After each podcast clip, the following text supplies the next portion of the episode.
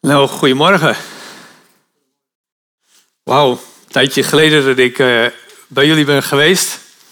En, en tegelijk, ik dacht, ik, ik, moest eventjes, ik probeerde echt een beeld voor van hoe zal het zijn en uh, wie zijn er allemaal. En nou, jullie zijn er, geweldig. Um, en tegelijk, dan ben ik hier en nou, de ontmoeting begon al gelijk bij de deur. Fred en Ricky, fijn dat je er bent, hoe gaat het met je?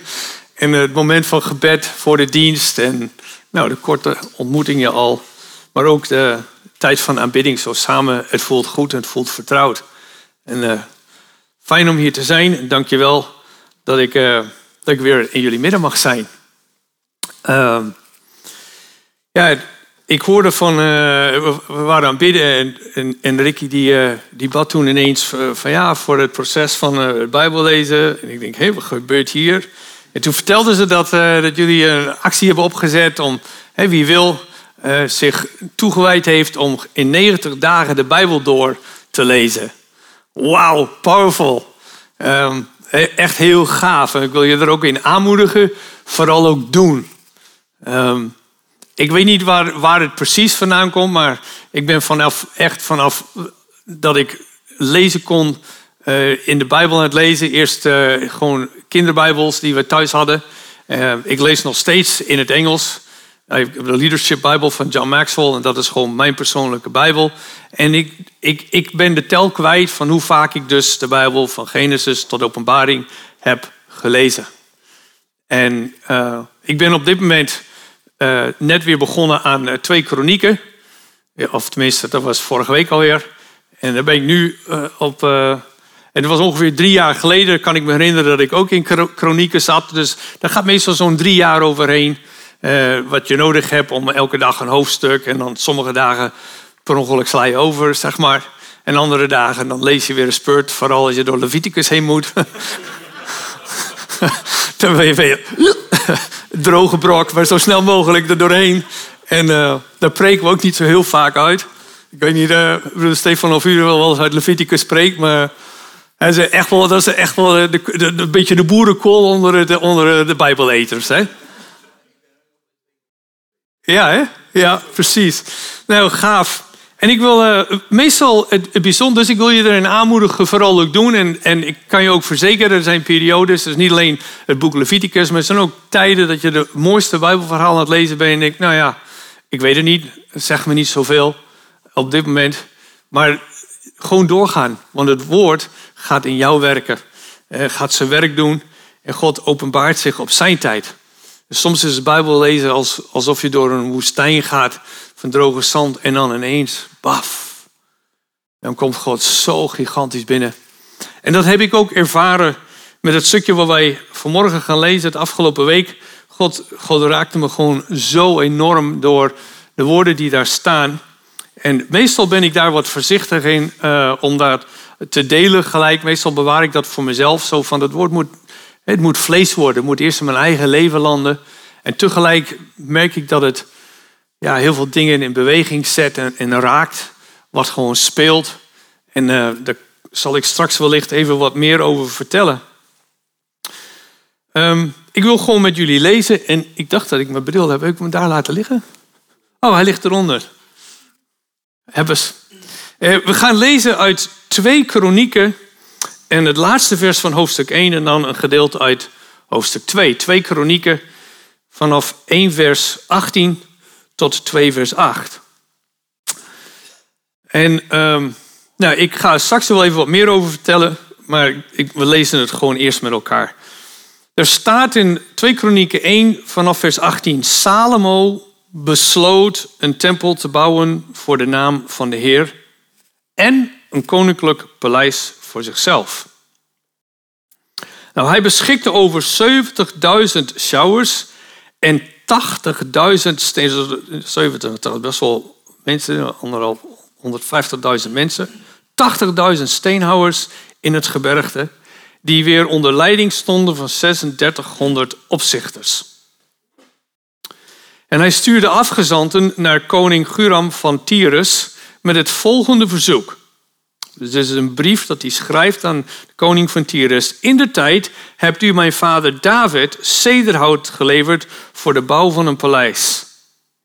En nu wil ik beginnen met de bouw van een tempel voor de naam van de Heer, mijn God. En die zal ik aan hem, die tempel zal ik aan hem wijden om hem er reukoffers te brengen.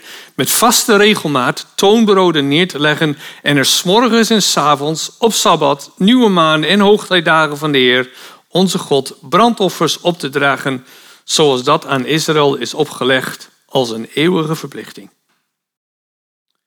Het moet een grote tempel worden, want onze God is groter dan alle andere goden. Eigenlijk is niemand in staat voor hem een huis te bouwen, want zelfs de hoogste hemel kan hem niet bevatten. Dus wie ben ik dat ik voor hem een tempel zou bouwen, behalve dan om er voor hem offers te brengen? En dat zijn de woorden, dit zinnetje, die vraag, die retorische vraag van Salomo, daar wil ik straks met u bij stilstaan. Wie ben ik dat ik voor hem een tempel zou bouwen, behalve dan om er voor hem offers te brengen? Wel nu, stuur mij iemand die verstand heeft van de bewerking van goud en zilver en koper en brons en ijzer en de verwerking van rood-purperen, karmozijnrode en blauw-purperen wol en het aanbrengen van snijwerk, zodat hij de ambachtslieden kan bijstaan die mijn vader David hier in Juda en Jeruzalem al heeft aangesteld. En lever mij ook ceders en cipressen en sandelhout uit de Libanon, want ik weet hoe bedreven uw knechten daar zijn in het kappen van bomen. En mijn knechten zullen de uw helpen om mij van een grote hoeveelheid hout te voorzien, want de tempel die ik aan het bouwen ben, moet groot en indrukwekkend worden. En dan gaat de brief verder wat hij dan uh, zeg maar als tegenprestatie zal leveren voor, uh, voor al dit werk en de goederen die geleverd worden. Dit is een, uh, een, een ja, ik heb wel eens gezegd over de profeet Samuel. toen ik hier vorig jaar was, van, dat was een beetje de, de, hoogste, de hoogtijdagen van het volk Israël toen alles nog één was. En dat, ik denk dat je dat mag zeggen dat het een beetje de periode van Samuel tot Salomo uh, beslaat. De periode dat het volk één was en onder leiding stond van een, een duidelijk uh, iemand die verbonden was met God en ook aangesteld was door God. En uh, ja, er was eenheid en er was groei en er was samenwerking. En, en die, het koninkrijk van, van, van Israël en Juda toen nog uh, in, in die periode samen, dat, dat breidde zich steeds maar weer verder uit. En vooral onder koning David, die veel volkeren om uh, Israël heen verslagen heeft, uh, werd het koninkrijk enorm groot. En um, zoals jullie wellicht weten, David die had op zijn hart gekregen op een gegeven ogenblik om de tempel te bouwen voor de Heer. Hij zegt, Heer, het is, uh, ik heb jou een prachtig paleis. Um, en dank u wel dat ik dit allemaal heb mogen ontvangen. En uh, het is niet alleen voor mij, maar het is uw koninkrijk, het is uw volk. Maar het kan niet bestaan dat ik in een paleis woon. Ik ben maar koning van dit volk, terwijl u de God van dit volk bent. En u woont in een tent. En dat nog steeds die tabernakel die ze mee hadden gezeuld door de woestijn. Die de, de instructies waarvan Mozes uit de hemel uh, te zien had gekregen hoe de tabernakel eruit zou moeten zien. En er was nog steeds die tabernakel met het altaar en met het ark, met het heilige der heiligen, et cetera. En gewoon van kleden gemaakt. Misschien hier en daar gerenoveerd, dat weet ik niet, dat, dat lezen we nergens. Maar men kwam samen rondom de tabernakel en David zei, dat moet klaar zijn, er moet nu een tempel. En toen zei God tegen David van nou, weet je, ik, ik, ik begrijp het, maar Weet je, jij wil voor mij een huis bouwen, maar ik wil dat jij weet dat ik voor jou een huis aan het bouwen ben. En datgene wat jij tot nu toe hebt moeten doen, de rol die jij hebt vervuld in, in mijn plan voor het volk Israël, de, de kinderen, de opvolging van Abraham, Isaac en Jacob, is dat jij, jij hebt die, die taak op je schouders gekregen om de vijanden te verslaan. En dat bracht met zich mee dat je heel veel bloed hebt vergoten. En omdat er ook bloed aan jouw handen zit en dat, dat hoort bij de taak die je hebt gekregen, ehm, is het niet aan jou om dat huis te bouwen. Maar zegt de Heer, de zoon die na jou zal komen en ik zal zijn troon vestigen voor altijd. Dus is dat enorme belofte van God aan, David al gegeven. Je krijgt een zoon en die zoon gaat op de troon zitten en ik maak hem koning voor altijd. En hij zal een koning van vrede zijn. En dat is ook zijn naam, Shalom. Dat is de koning van vrede. Hij zal voor mij een huis bouwen. Nou, David was heel, voelde zich heel klein voor de Heer van wie ben ik? Dat, dat u zulke beloften, dat u al mijn huis zo hebt gebouwd. Eh, maar dat u ook mij een belofte geeft dat, dat er een huis gebouwd zal worden. Waar u kan gaan wonen te midden van uw volk. En dat, dat mijn zoon koning. Dus David was helemaal flabbergasted, helemaal uit het veld geslagen. Maar wat, één ding wat hij wel heeft gedaan, is vanaf dat moment is hij allerlei spullen gaan opslaan een handelsvoorraad zou je kunnen zeggen, ter voorbereiding van de bouw van de tempel. Dus er lag al heel veel hout, maar ook ijzer en goud en zilver en brons, noem maar op. David was dus een enorme uh, ja, warenhuizen aan het vullen met spullen die zijn zoon zou kunnen gaan gebruiken om de tempel te bouwen. En toen Salomo koning werd, en dat lees je ook in het einde van uh, eh, 1 Kronieken, begin van 2 Kronieken, um, dan zegt David aan Salomo, hij geeft hem ook de opdracht om de tempel te bouwen. En, en David geeft ook instructies aan de leiders van het volk. En er wordt van alles bij elkaar gebracht en offers worden gebracht. Met name in de, in de edele metalen. Een hele dure, luxe uh, materialen om die huis aan te kleden. En Salomo is nu drie jaar koning en hij beseft, en nu is de tijd gekomen, nu moeten we gaan bouwen. Dus wat doet hij? Hij schrijft een brief naar koning Guram van Tyrus. En, uh, en dat is een ja, koning waar al David ook al een goede relatie mee had. En hij zegt, ik wil dat jij mij hout gaat leveren, want ik moet een heel groot huis gaan bouwen.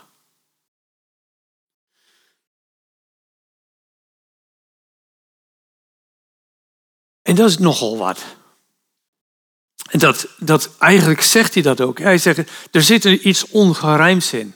Ten eerste is het, eigenlijk samen met David staat Salomo een beetje uh, verbouwereerd met zijn mond vol tanden.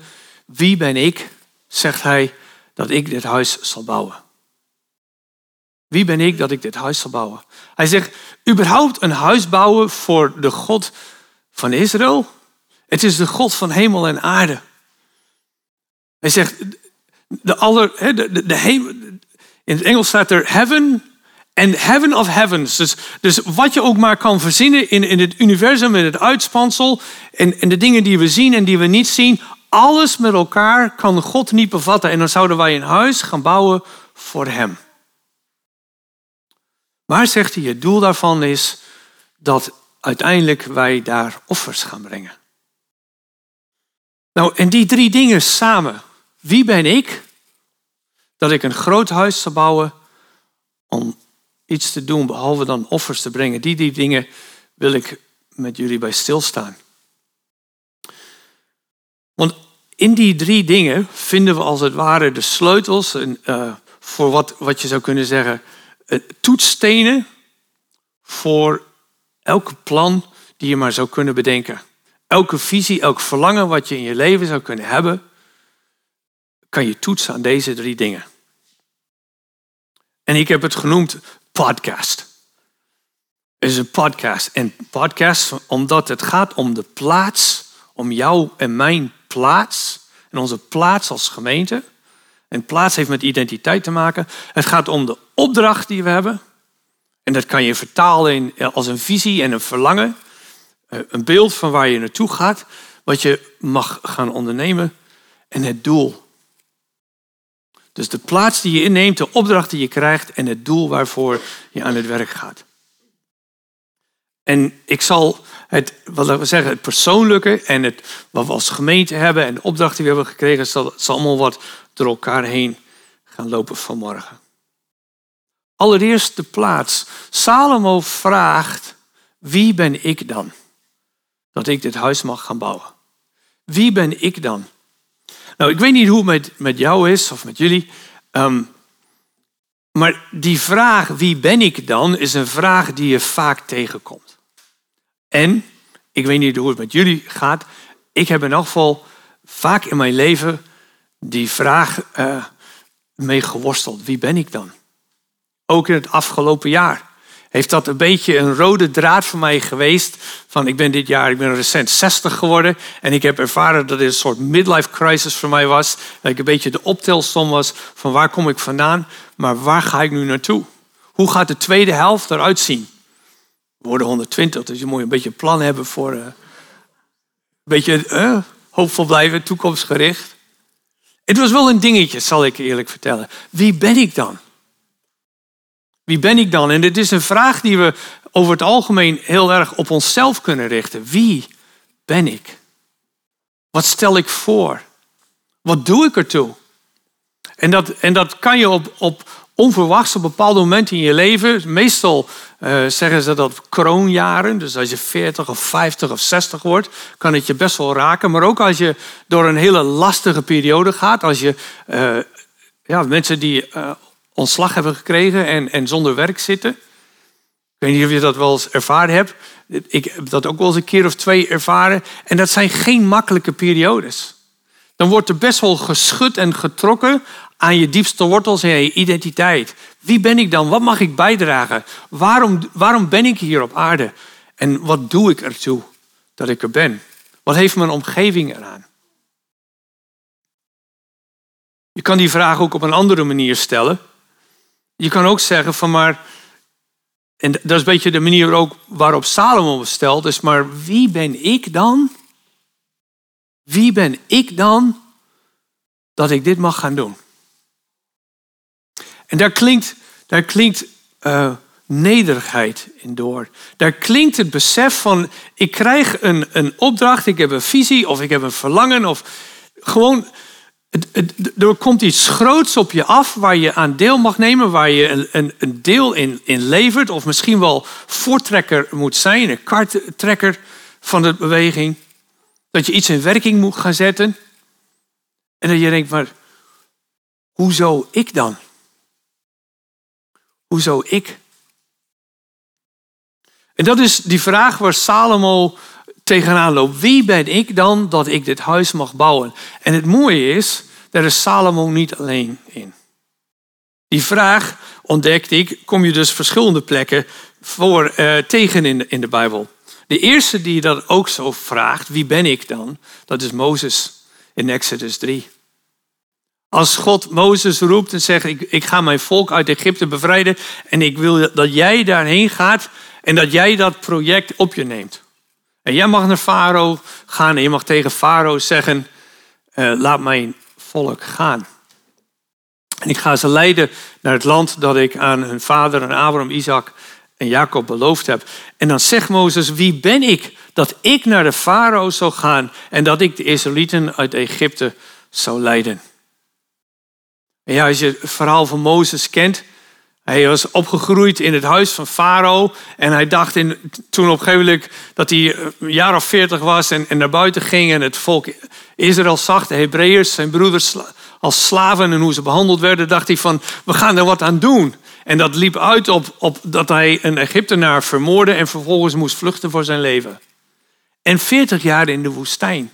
Schaapherder, een beetje, een beetje enorm teruggetrokken dus op de vlucht voor alles wat daar speelde en alles, al die, die, die krachten waar hij aan de ene kant mee verbonden was, aan de andere kant het gewoon te veel was. En na 40 jaar, 80, ik wil dat nog eens een keer een midlife crisis, komt God in zijn leven en zegt van hé, hey, ik heb een plan en ik heb jou nodig. En ik wil dat jij daar die kar gaat trekken. Ik wil dat jij naar de farao gaat. Ik wil dat jij mijn volk Israël gaat leiden uit die slavernij en brengt naar het beloofde land. En Mozes beseft, deze opdracht is te groot voor mij.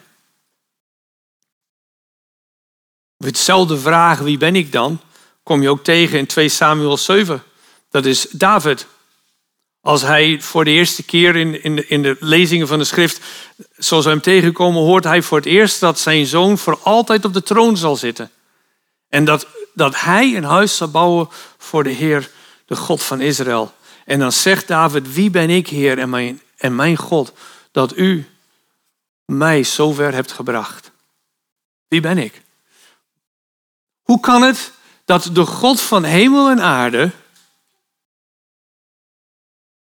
mij op het oog heeft? Er is ergens een kerstlied die dat ook zegt, dat u onder al die miljoenen ook mij het oog heeft. Dat is een van de, van de, eh, ja, een van de, van de gedachten ook die, die we als christen met ons meedragen. Ook als het bijvoorbeeld gaat over abortus. Het besef dat, dat elk mensenkind, op het moment dat het tot conceptie is gekomen, dat het gezien is door God en een naam heeft en gekend is. En dat het levenswaardig is. En terecht wat je ook, wat je ook deelde, waar, waar zit je, uh, was het net even weg over, over hey, dat we geen oordeel moeten vellen. Terecht.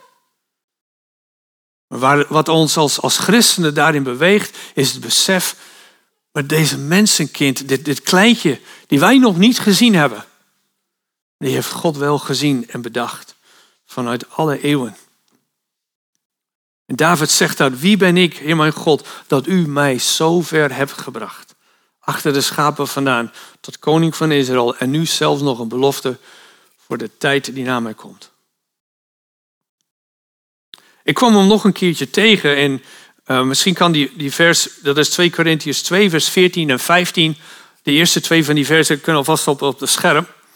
Daar zegt de apostel Paulus, God zij gedankt dat hij ons, die één zijn met Christus, in zijn triomftocht meevoert en dat hij overal door ons de kennis over hem verspreidt als een aangename geur. Paulus zegt van, heeft het hierover dat, dat, dat God als het in Christus in ons leven niet aan het werk is, maar ons benut, ons inzet. Wij zijn, wij zijn het werkmateriaal waarmee God door Christus zijn naam bekend maakt en zichtbaar maakt in deze wereld. En zijn koninkrijk verspreidt en, en dat tot een aangename geur onder de volken. En dan staat er nog wij zijn dus de wierook die Christus brandt voor God. Zowel voor hen die worden gered als onder hen die verloren gaan. En dan de volgende woorden. Even kijken hoor, als ze er nu opkomen. Nee. Daar staat, en komen we straks wel op terug. Wie is geschikt voor deze taak? Wie is geschikt voor deze taak? Zo, ik, Nee, daar kom ik zo mee over terug. Wie is geschikt voor deze? Hou die vraag eens even in gedachten. Ben ik wel geschikt? Zijn wij wel geschikt voor de taak die God voor ons bedacht heeft? En zo zegt koning Salomo, wie zou in staat zijn en de kracht hebben om voor hem een huis te bouwen? Die eerste punt dus is dat we onze plaats kennen. Dat we onze identiteit kennen. Wie zijn wij? En niet wie zijn wij alsof we niks meer voorstellen, maar wie zijn wij omdat we juist zoveel voorstellen in Gods plan. Mozes, David, Salomo, Paulus. En dan, heeft, en dan kan je vooral zien aan die woorden van Paulus. Dan gaat het niet om die grote leiders in de gemeente. Het gaat niet om, alleen maar om de apostelen of de koning of de profeet of de priester. Maar het gaat over dat wij, zegt Paulus, wij met elkaar. Wij zijn aangesteld om, om als, als wierook geofferd te worden voor God onder de volken tot een aangename geur. En daar zit dus een opdracht in. Nou, een opdracht, ja, Salomo's opdracht is om een tempel te bouwen. En ik weet, wie gaat wel eens naar zo'n grote kathedraal als je eens een keer op vakantie bent of ergens? Wel eens een keer. Ik heb ook een van de laatste, ik heb hem nog opgezocht, ik zal ik laten zien, maar uh, twee jaar geleden waren we nog met onze dochters op vakantie in, in uh, Oostenrijk. En zijn we naar Wenen gegaan, naar de Stefanskier. Is die naar u vernoemd, weet je dat? Bijna. De Stefanskirche. Geweldig. Indrukwekkend. Staat daar midden in de stad, enorm plein eroverheen. Maar het is niet alleen één kerk, maar het zijn allemaal zijn drie kerken naast elkaar. Drie verschillende daken. En die daken die zijn helemaal belegd met gekleurde tegels aan de buitenkant. Dan kan je met een lift aan de ene kant in de toren omhoog. En dan, dan kijk je zo over, over, tegen zo'n ene dak, dak aan. En ondertussen over de stad en naar de bergen in de verte. En als je binnenin die kerk staat met die prachtige ramen en de bouwstijl en enorme zuilen. En die dingen zijn ook gebouwd dat we onder de indruk zouden zijn, niet alleen van het bouwwerk, maar dat we onder de indruk zouden zijn van de God aan wie de bouwwerk is gewijd. Nou, en als we het mogen, als we het goed lezen wat er allemaal staat, hoe die tempel van Salomo eruit kwam te zien, dan zou dat vandaag aan de dag wellicht tot een van de wereldwonderen hebben gehoord. In elk geval werelderfgoed. En mensen gaan nu al constant op Israël, naar Israël op reis, om daar allerlei plekken op te zoeken. Maar als de tempel er nou ook hebben gestaan, alleen we hebben een stuk, stuk muur, wat stenen die half onder de grond hebben gezeten. En daar staan we dan voor en zeggen van, hier heeft dus ooit die tempel gestaan. Dit is nog een restant ervan. En Salomo die heeft dus opdracht om een prachtige tempel te bouwen. En dat met de duurste van het duurste van het duurste. En het mooiste van het mooiste van het mooiste te bekleden, aan te kleden en in te richten. Want hij zegt, het moet een plek zijn dat op een of andere manier iets van de glorie en de luister van God moet weerspiegelen. Als mensen daar komen, als wij daar komen, dan, dan moeten wij onder de indruk raken van wie God is en hoe groot hij is.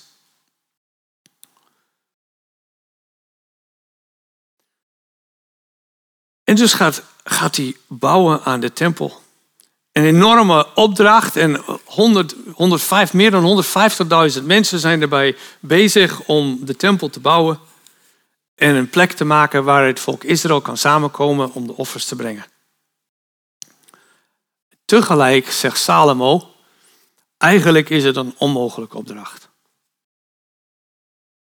Hij zegt, want wie kan nou een huis bouwen? En dan gaat het niet over wie zou dat nou kunnen, maar wie kan nou een huis bouwen? Wie kan nou een plek bouwen dat in staat is om de God van hemel en aarde te huisvesten?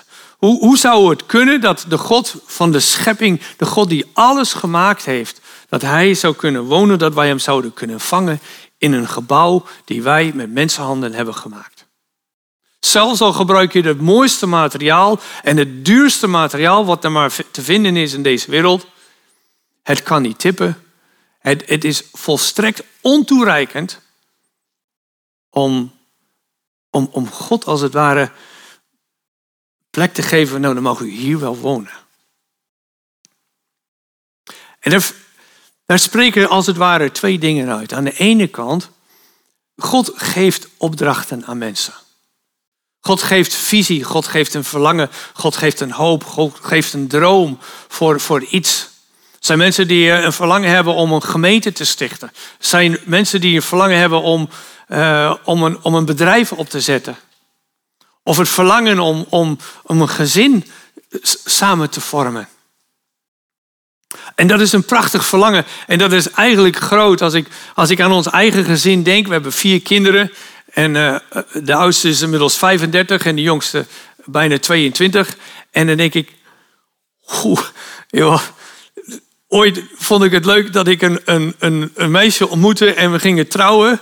En nou ja, uh, we kregen een kind en nog één en nog één en nog één. En, en ondertussen wordt er iets gebouwd waar je u tegen zegt. En waar ik naar sta te kijken, denk hoe is het mogelijk? Laatst waren we weer bijna het hele gezin compleet op mijn verjaardag. En dan zaten we op een zondagochtend op één rijtje in de kerk. En dat was zo gaaf en zo cool. En ik denk, hoe dan? Hoe is dit nu gekomen? Maar God geeft een verlangen. En, en dan ga je aan de slag. En je, gaat er verlangen. Hij gaf mijn vrouw een verlangen om, om met een kinderdagverblijf te beginnen. En, en het begon heel klein. En toen een aantal jaren geleden zijn we naar een andere locatie gegaan. En inmiddels is het gegroeid. En we hebben personeel. En er, er komen wekelijks meer dan 50 kinderen over de vloer. Zeg, hoe dan? Maar er is een verlangen, er is een opdracht. En, en zo zet God mensen in om iets van zijn heerlijkheid te laten zien in deze wereld.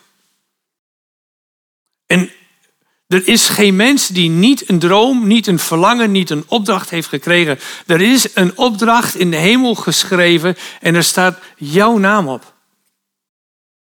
En die mag jij oppakken. Alleen of misschien samen met iemand anders. En dan vorm je een team of je, je bent gewoon een bijdrage in een, in een groter geheel. Maar zo belangrijk dat we weten wat onze plek is, zodat we die opdracht kunnen oppakken. Beseffen, God heeft een roeping op jou en mijn leven. Zoals Salomo dat ook ervaren heeft. En hij zegt, nou dan ga ik maar. Hij, hij zei, oké heer, ik heb het gehoord. Ik heb het begrepen en ik ga ermee aan de slag. En die opdracht is zo groot, eigenlijk is het onmogelijk. Maar hij beseft ten eerste dat hij anderen nodig heeft om dat opdracht tot, opdracht tot stand te brengen. En ten tweede, als het straks klaar is, dan is het nog niet klaar. En dat is ook zo belangrijk dat we dat zien. Als wij een opdracht hebben gekregen een verlangen en een visie, dan is dat niet zodat wij daar als het ware God in kunnen vangen. Het is niet dat, dat wij wat maken om, om te zeggen, nou en dit is nu God. Want dan is het ineens afgod. Alles wat wij doen en alles wat, wat wij bouwen, alles waar we aan mee mogen werken, is een deel van het grotere geheel. En is een plek waar mensen iets mogen zien en ervaren van wie God is. Want, zegt Salomo, als ik alles heb gebouwd, dan wil ik nog altijd blijven beseffen. En wil ik het wel met koeienletters misschien wel boven de deur uittekenen. Onze God is groter dan alle andere goden. En de hemel en de hemelen der hemelen zijn niet groot genoeg om hem te bevatten.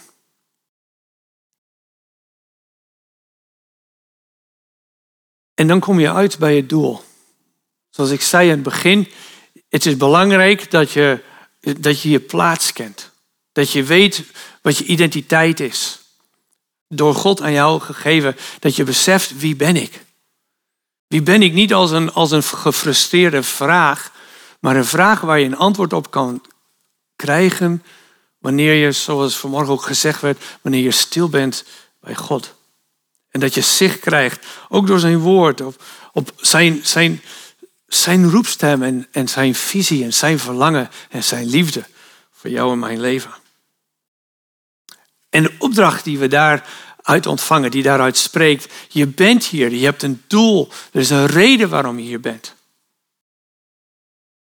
En Salomo zegt dan, en waarom mag ik nou dit huis bouwen? Waarom, waarom is het zo belangrijk dat dit plek, als ik probeer het, wat is daar nou de reden van? Is het zo dat ik straks aan mensen kan laten zien, dan komen ze op bezoek in, in, in Israël en dan zeggen ze, ja, we moeten even bij die Salomo eens even gaan kijken, even een bakje koffie doen en even kijken wat hij allemaal gebouwd heeft. En dat Salomo kan zeggen, nou kijk, uh, daar is mijn paleis en hier is de tempel gebouwd. Er woont God. En dan kan hij dat, zeg maar, hup, even vinken, bin there, done that. Wie is Salomo? Salomo is degene die de tempel, geweldige koning, geweldige koning. Nee, zegt Salomo. De reden waarom ik dit huis ga bouwen, waarom ik dit huis mag bouwen, waarom ik dit huis moet bouwen, is alleen dit. Dat ik er offers kan komen brengen. Er is een plek dat God al, toen hij Israël uit Egypte leidde, dat hij door Mozes zei, en dat kan je in Deuteronomium 12 terugvinden. Dat hij zei van, en de plek waar de Heere God straks zijn naam zal doen wonen, de plek die hij zal aanwijzen, daar moeten jullie je offers heen brengen. Daar moeten jullie je tiende heen brengen. Daar moeten jullie alle, alle wierook branden. Daar moeten jullie al je vrijwillige offers werken. Daar moeten jullie al je dankbaarheid brengen. Er is een plek dat God zal aanwijzen waar Hij zijn naam wil laten wonen. En daar ga je al je offers brengen. Dus zegt Salomo, waarom moet ik dit huis nu bouwen? Waarom ben ik hiermee bezig? Wat is het doel daarvan? Is het zo dat een plek is waar ik straks samen met al die andere mensen. En dan ben ik niet meer dan iemand anders. Ik ben niet meer dan de buurman de buurvrouw of degene die een straat verderop woont. Of in het dorpje daar. Niet omdat ik koning ben. Niet omdat ik de zoon van David ben. Niet omdat ik door God ben aangesteld. Niet omdat ik een geweldige opdracht heb gekregen. Maar puur omdat ik de opdracht heb gekregen. Samen met heel Israël.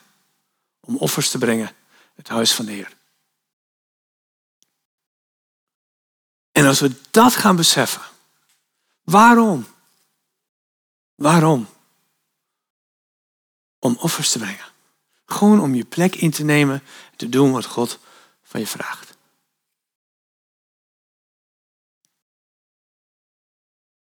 Jezus zegt in Lucas 17, vers 10 tegen de discipelen, hij zegt, wanneer jullie alles gedaan hebben wat jullie is opgedragen, ik vind het een mooie tekst en hij is ook confronterend tegelijk. Wanneer jullie alles gedaan hebben wat jullie is opgedragen, zeg dan, wij zijn maar knechten. We hebben enkel onze plicht gedaan. En hoe gaaf is het als je dat kan zeggen? Als je iets hebt mogen opbouwen, als je een belangrijke bijdrage ergens aan mogen leveren en, aan leveren en mensen komen naar je toe. Oh, geweldig, we hebben je mooi gedaan. En dat je dan kan zeggen, nou ja, dat is mooi, dankjewel. Maar ik ben maar een knecht. Ik heb alleen mijn plicht gedaan. In het MBG staat er zelfs, wij waren slechts onnutte slaven. Dus als ik er niet was geweest, had hij wel iemand anders gevonden daarvoor.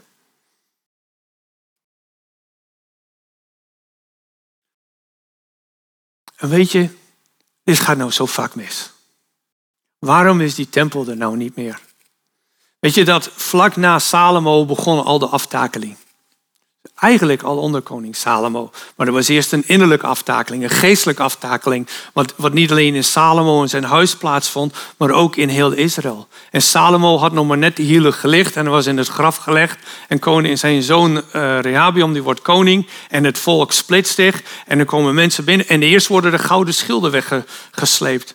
En vervolgens wordt op een gegeven moment zelfs de goud van de muren afgeschraapt. En de brons wordt weggehaald.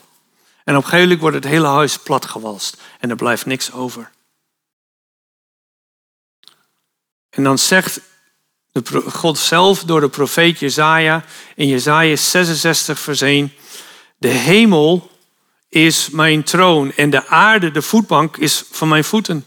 Waar zou dan het huis zijn dat u voor mij zou willen bouwen en waar de plaats van mijn rust? Het is het laatste hoofdstuk van de profetie van Jezaja. En waarschijnlijk zeggen de Bijbelgeleerden dat dit ook later, dus tijdens de ballingschap, wat na geschreven is. Het is het gedeelte, we noemen dus de Messiaanse gedeelte van Jezaja, waar hij vooruitkijkt naar wat nog komen moet. Want al die beloften die God gedaan heeft en alles wat opgebouwd is, hij zegt dat was het niet.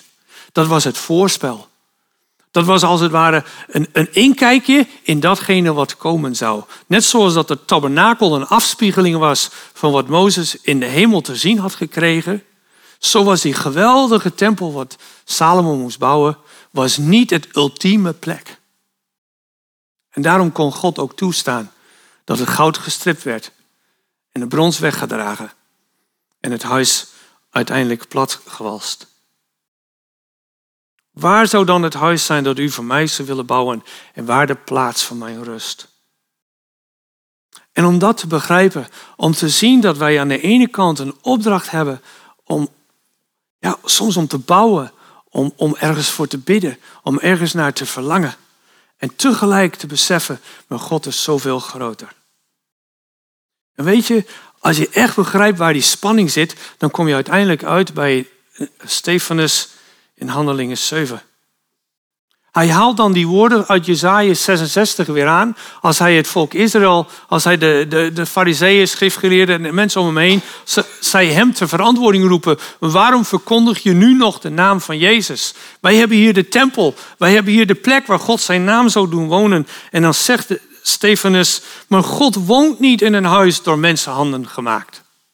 En hij schopt daarmee letterlijk tegen het heilige huisje wat, wat, wat, wat de Joden op dat moment met elkaar hadden opgebouwd. Hij zegt, jullie begrijpen het niet. En, en dat komt zo bij ze binnen dat ze op hem aanstormen als één man. En ze slepen hem naar buiten toe en ze stenigen hem. Want hij komt aan het heilige huis, aan de tempel van de Heer. Maar God had duidelijk gezegd, er is geen huis dat jullie kunnen bouwen waar ik ga wonen. Dus er is altijd dat dubbele gevaar. Aan de ene kant dat wij onze bijdrage overschatten en zeggen, nou, we hebben een gemeente gebouwd of we hebben een visie en een plan en dat gaat het helemaal worden. En daarin overschatten wij onszelf. En we zetten onszelf in de picture in plaats van God. Anderzijds is het gevaar dat we God onderschatten. Dat we Hem kleiner maken. En we beperken tot het beeld dat wij van Hem hebben. Ik wil even terugkomen op die versen uit 2 Korintiërs 14, uh, 2 Korintiërs 2 vers 14 en 15. God zij gedankt dat hij ons, die één zijn met Christus, in zijn triomftocht meevoert. En dat hij overal door ons de kennis over hem verspreidt als een aangename geur. En dan zegt hij, wij zijn de wierook die Christus brandt voor God. Salomo zegt, waarom bouw ik dat huis? Zodat er een plek is waar ik offers kan brengen en waar de wierook gebrand geworden. Paulus zegt, en wij zijn de wierook die Christus brandt voor God. Zowel onder hen die worden gered, dus onder het eigen volk, onder de christenen, als ook onder hen die verloren gaan. Dus in Christus is datgene wat God in Israël aan het doen was, is dat uitgebroken naar buiten gegaan. Over, over alle volkeren der aarde, zoals aan Abraham beloofd is, is dat uitgestort. In Jezaja 49 zegt de Heer, het is te gering dat u voor mij een knecht zou zijn. Dus zegt hij tegen die Messiaanse koning die komen zou, die dienaar. Hij zegt, het is te gering dat u voor mij een knecht zou zijn om op te richten, om op te richten de stammen van Jacob. En om hen die van Israël gespaard zijn terug te brengen.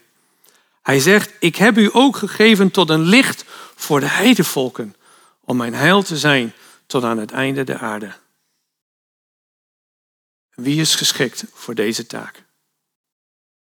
Paulus zegt later op 2 Corinthians 3, ik weet niet of je zo snel kan klikken, maar uh, ik weet niet precies welk vers het meer was.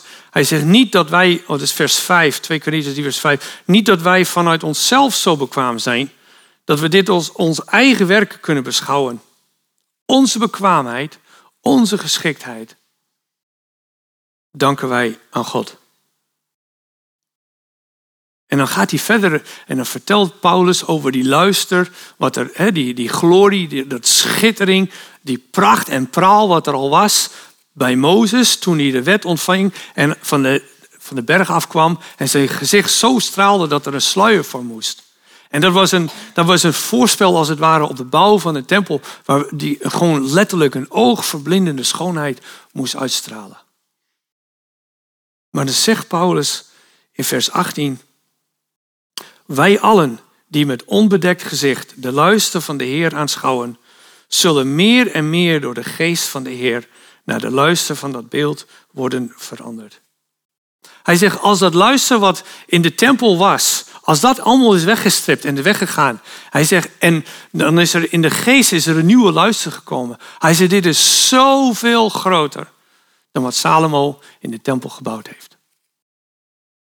Misschien een beetje een raar idee. Ik zat daar straks eh, samen met broeder Stefan te aanbidden. En ik dacht, wauw, die tempel, goud, een duurste hout en noem maar op. En moet je om je heen kijken nu. Plastic stoeltjes, kabels over de vloer, weet je wel.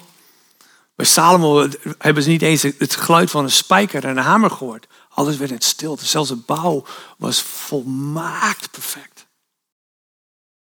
En toch zegt Paulus, die luister die wij op dit moment met elkaar delen, wat hier gebeurt vanmorgen, dat is nog mooier dan wat Salomo gebouwd heeft in de tempel. Zo kijkt God op dit moment naar de gemeente en zo kijkt God naar jou en mij. Ik heb dat zelf kort geleden ervaren.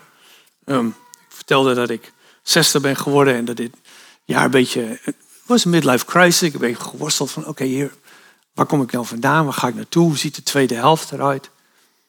En uh, eind augustus was ik op een, uh, een retraite, een coachingsweekend, maar dat was ook al echt een retraite, samen met een aantal christenen. En in het weekend uh, heb ik echt wel echt weer een ontmoeting met God gehad. En op een gegeven ogenblik was het op zondagmiddag en er waren wat dingen gebeurd waarin ik echt vader dat God tot me gesproken had. En dat had me al flink geraakt. En een van de dingen die we moesten doen in de coaching is dat we een beeld moesten schetsen. We moesten echt letterlijk tekenen. Zo goed en kwaad dat ging. En ik heb een, een, een berg getekend met een weg erop. Het ging over mijn weg. En die weg die ik teken op de berg, die ging een beetje omhoog en omlaag. En die slingerde wat eh, door de bossen heen. Zo'n stukje, maar snap je een beetje, je moet het uitbeelden. Eh, er waren bossen waar het weg eventjes zoek was. Want dan zie je soms van de bomen uh, het bos niet meer. En dan weet je niet meer hoe je weg verder gaat. Er waren ook droge periodes. Plekken waar bosbrand was geweest. En, en wat, dat het gewoon uh, periode van verlies, rouw. Waren plekken waar ik uh, soms een soort hoogtepunt had beleefd. En vervolgens weer naar beneden kukelde en mezelf bezeerd had aan de rotsen. En zo slingerde mij een weg wat over die berg. En, en op die zondagmiddag toen lag ik op een het was even rustig en er speelde wat, wat muziek op de achtergrond. En, en ineens was het alsof ik samen met God op de berg stond. En ik keek terug op die weg. En het was het raarste wat mij overkwam, is dat die weg op dat moment eruit zag. Weet je wat ik zag? Het was een rechte weg. Het was een rechte weg en die ging door groene valleien, door groene weiden en kwam langs rustige wateren. Nou, dat raakte me natuurlijk en ik zei tegen God, maar zei, hoe kan dat dan? En toen zei hij van, de weg die jij bent gegaan, dat is nu mijn weg geworden. Hij liet mij zien dat terwijl ik zo bezig was en soms dan worstelen met mezelf, de kinderen komen binnen, misschien kan de muziektuin ook alvast naar voren toe. Terwijl ik bezig was met mijn weg en, en soms de weg kwijt was en overal en nergens in die lastige periodes en die droge periodes, dan ondertussen God gewoon in mij zijn weg aan het gaan was.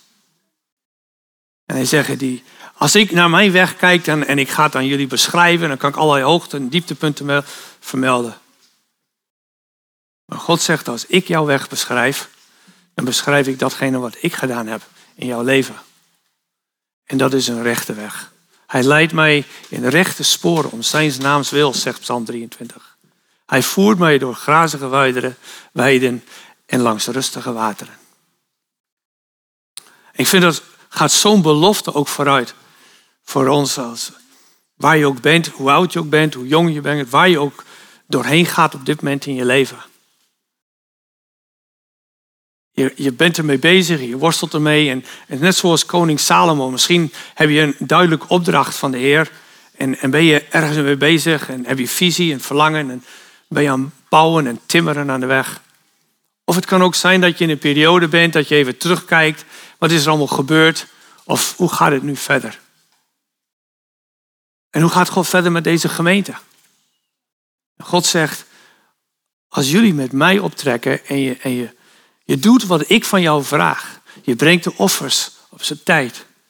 En je gebed en je leest je Bijbel.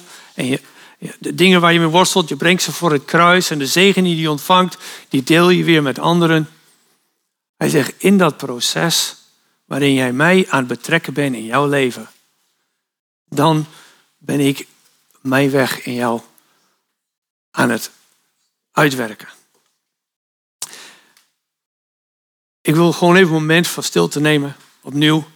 En ik wil je ook uitnodigen om gewoon de vraag te stellen, Heilige Geest, wat zegt u op dit moment tot mij door deze woorden? En wat wilt u mij laten zien vanmorgen?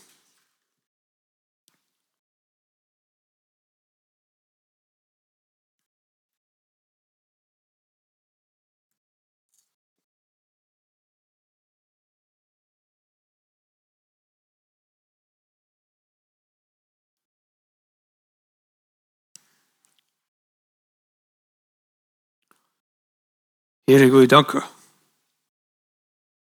voor uw woord. Ik wil u danken voor de weg die u gaat. Ik wil u danken voor uw trouw.